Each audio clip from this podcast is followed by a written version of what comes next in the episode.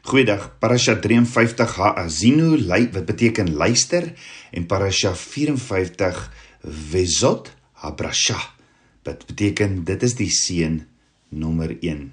Die die gedeeltes wat ons saam gaan bestudeer in hierdie week is in Deuteronomium 32 vers 1 tot Deuteronomium 34 vers 12. In die Haftarah is dit 2 Samuel 22 vers 1 tot 51 en Joshua 1 vers 1 tot 18, dan in die Bridesha Openbaring 14 en 15, Efesiërs 5 vers 26, Titus 3 vers 5, Hebreërs 10 vers 22, 1 Korintiërs 10 vers 4, 1 Petrus 2 vers 6, Johannes 20 vers 26 tot Johannes 21 vers 25 Johannes 6 vers 26 tot 25 35 en Handelinge 1 vers 1 tot 14. Ons gaan klaarmaak met die laaste 2 weke se gedeeltes of parashas vir die jaar in die week ter voorbereiding vir volgende jaar. Hoe amazing is dit nie om die eerste 5 boeke van die jaar saam te bestudeer en te mediteer en ons kom op die einde daarvan en weer hierdie opgewondenheid te hê om weer heel voor van die begin af te begin. Maar Vader sê vir Joshua in die laaste parasha gedeelte vir die jaar hierdie jaar in Joshua 1 vers 8 hierdie wetboek mag nie uit jou mond wyk nie maar bepeins dit dag en nag sodat jy nou geset kan handel volgens alles wat daarin geskrywe staan want dan sal jy in jou weë voorspoedig wees en dan sal jy met goeie gevolg handel. So my gebed is o Abba u woord is soos heuning in ons monde. Daarom sal ons dit net so doen soos u sê Abba. Ons sal u woord bepeins dag en nag sodat ons nou gesê daar volgens kan handel en volgens alles wat daarin geskrywe staan. Dankie dat u vir ons die krag gee en dat u ons lei. Dankie Abba Vader vir u woord. Ek bid dit in Yeshua se naam. So die woord haazinu beteken letterlik hoor of gee oor. 'n Uitdrukking wat oor wat ook beteken luister hierna. Dit is ook die naam van die 53ste en 2 die tweede laaste lesing uit die Torah. Dit is ook die eerste woorde van die lied van Moses wat begin met die woorde in Deuteronomium 32 vers 1: Luister o hemele dat ek kan spreek en laat die aarde hoor die woorde van my mond.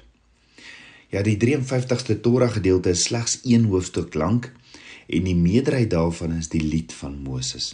Die lied van Moses is 'n profetiese goddelike uitspraak wat die kinders van Israel waarsku oor afvalligheid wat kom en die gevolg die gevolglike troon van Abba Vader. Na afloop van die lied word Moses aangesê om die berg Nebo op te klim en om oor die beloofde land uit te kyk voordat hy sterf.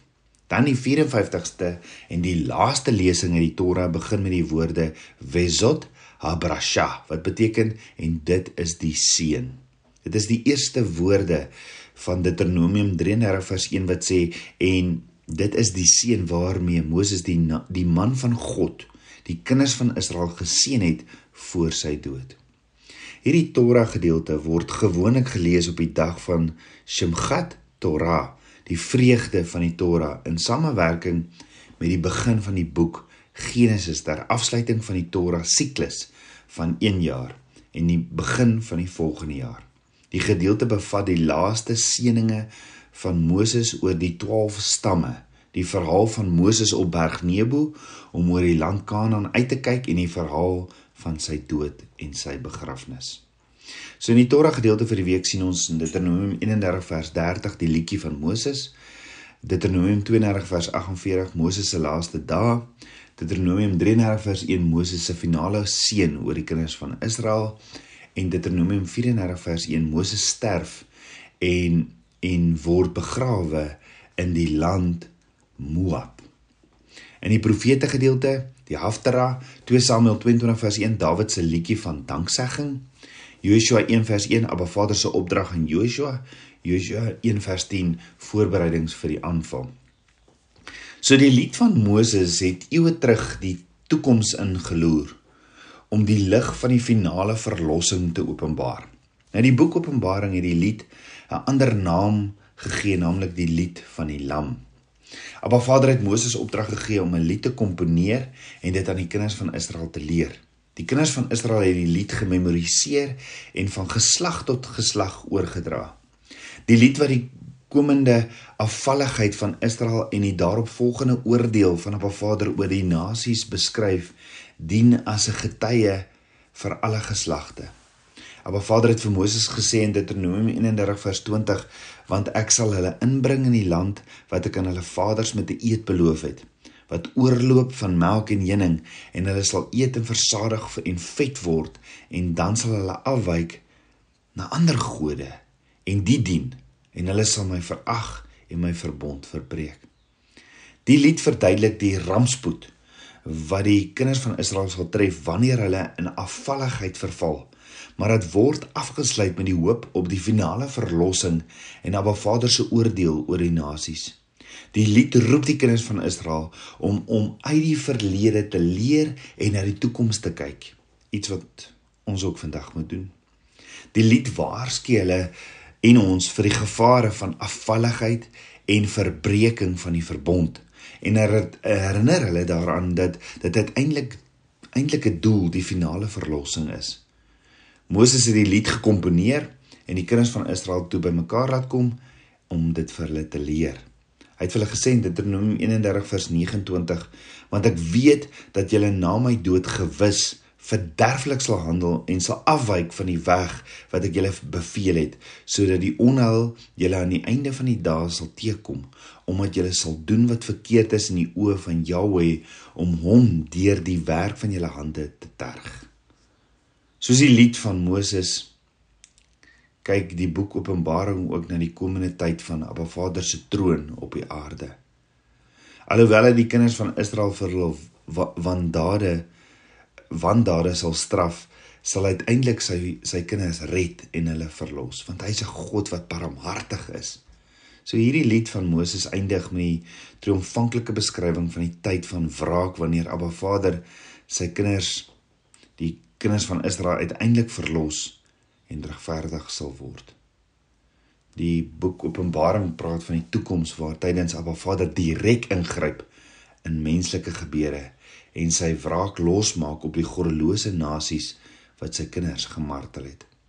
Terwyl Abba Vader sy troon oor die aarde uitgestort word, berig Openbaring 15 'n gesig van 'n martelaar wat voor die troon van Abba Vader staan en sing die lied van Moses, die diensdag van Abba Vader en die lied van die Lam. Openbaring 15 vers 3. Die wat die Torah, die eerste 5 boeke in die woord nie ken nie, het die titel lied van die Lam dikwels verkeerd verstaan as verwysing na die kort liturgiese refrein wat in Openbaring 15 vers 3 tot 4 aangebied word. In plaas daarvan beoog die skrywer van Openbaring Johannes dat sy lesers moet verstaan dat die siele van die regverdige martelare die woord van Deuteronomium 32 voor die troon sal sing. Hy noem die lied van Moses met 'n nuwe titel, Lied van die Lam.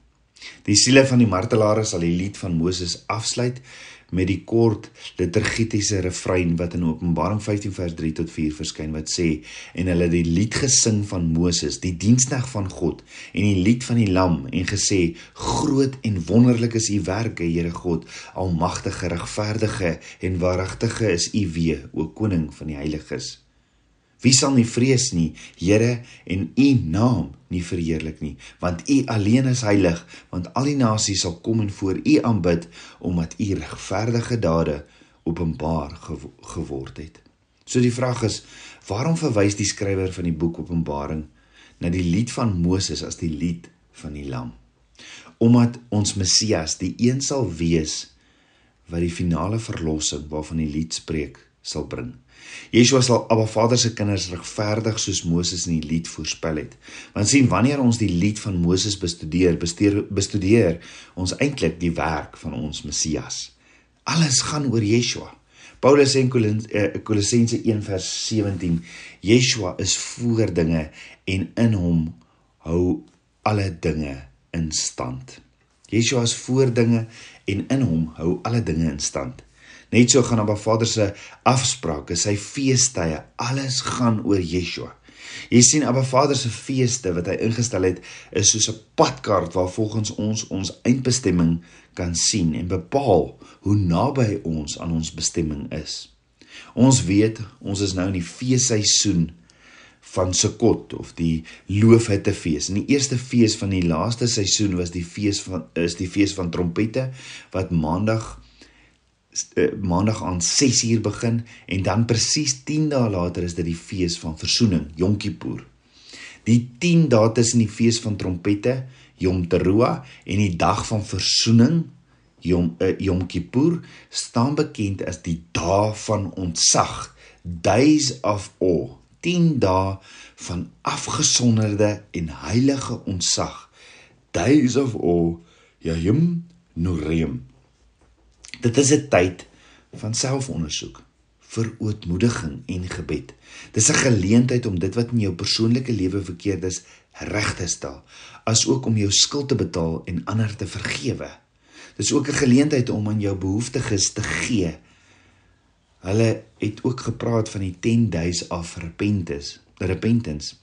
So die volgende fees, die 6de fees van Abba Vader, die fees ehm um, die fees na die fees van trompette, die 6de fees van Abba Vader, die fees van verzoening is een dag lank en was 'n nasionale dag waar die kinders van Israel van Abba Vader hulle moes skoonmaak en hulle sondes moes bely. Dit was 'n een dag in die jaar wanneer die hoofpriester agter die voorhangsel die veil kon ingaan in die allerheiligste en die holy of holies en die bloed van die lam wat geoffer is 7 keer gaan besprinkel het op die genade troon sodat Abba Vader die volk, die kinders van Israel genadig kon wees en dat hierdie lam se bloed die sonde van die volk kon dek. Dit is wat die woord atonement wat in hierdie fees voorkom beteken. Atonement beteken to cover. So die hoofpriester het die bloed besprinkel op die genade troon wat die die ark se deksel was sodat hierdie bloed die sondes kon dek van die volk. Dit was die een dag in die jaar wat Abba Vader die sonde van die volk geoordeel het en dit was 'n dag wat hulle bely het voor Abba Vader wat hulle gesmeek het om vergifnis. So Abba Vader leer vir Moses in Levitikus 16, dit is hoe jy hierdie offer moet bring. Hierdie bloed is wat moet betaal vir dood, want die bloed is lewe en sonde bring dood. Die bloed moet betaal, maar Moses moes luister want daar was 'n manier wat die hoofpriester moes betaal vir die hele volk. Presies hoe Abba Vader vir Moses geleer het hoe om dit te doen, het Yeshua kom vervul op die uur. En dit is hoekom Yeshua sê, ek het nie gekom om die wet te kom vernietig nie, maar om dit te kom vervul. Matteus 5 vers 17. Die rigtingwysers in die Ou Testament wys ons op hierdie pad wat Yeshua gestap het, want alles gaan oor Yeshua. Levitikus 16 praat oor hier hierdie offer wat gebring moes word na die tabernakel toe. In die voorhof was die altaar waar die bok of die bul geoffer was en dan was daar die waskom gewees waar die hoofpriester se hande moes was en homself moes reinig om die heilige in te gaan. Die hoofpriester mag net een keer per jaar in die allerheiligste ingegaan het in Holy of Holies en dit was die dag van verzoening. Nadat die offer gemaak is, het hy gegaan na die verbondsark toe agter die wel. Levitikus 16 sê dat Abba Vader soos 'n wolk bo die deksel van die ark sal wees, 'n wolk oor die ark wat sy teenwoordigheid sal wees. So hierdie wolk wat bo die deksel was, was genoem die Shekinah glory. Dan het die hoofpriester ingekom met hierdie offer wat gemaak is en dan het hy hierdie bakkie gehad met die bloed van hierdie dier wat geoffer is. En dan sê Abba Vader vir Moses wat die hoofpriester moet doen. Hy moes die bloed gevat het en hy sê met sy vingers 7 keer die bloed gesprinkel voor die versoendeksel, die mercy seat. Wanneer hy dit gedoen het, het hy uitgekom na die altaar toe gegaan en dan het hy 7 keer op die altaar ook hierdie bloed gesprinkel. Die getal 7 beteken hierdie volmaaktheid, hierdie volledigheid, hierdie perfektheid van Abba Vader. En Abba Vader leer vir Moses en sê vir hom om die volmaakte van die verlossing, die verzoening vir julle sondes om die vrymaking van hierdie volk en van die hoofpriester en sy familie te kry, moet die bloed 7 keer besprinkel word. En net so kom ons hoofpriester, Yeshua, as die perfekte offerlam en ruil verkeer plekke het Yeshua se bloed gestort. Op 7 plekke kom stort Yeshua sy bloed vir my en jou. Is dit nie amazing nie? Kom ons bid saam. Abba Vader, koning van my hart, Abba, ek loof en ek prys U. Vader, dankie, dankie vir u afsprake met ons. Vader, leer my u geheimenisse meer en meer en meer van u. Aba Vader, dankie vir u seëninge, u profetiese woorde wat Moses ook oor die kinders van Israel, die bruid van Yeshua spreek. Ons eer U, Vader. Ek bid dit alles in Yeshua Messie se naam, die seun van Jahweh. Amen. Shalom.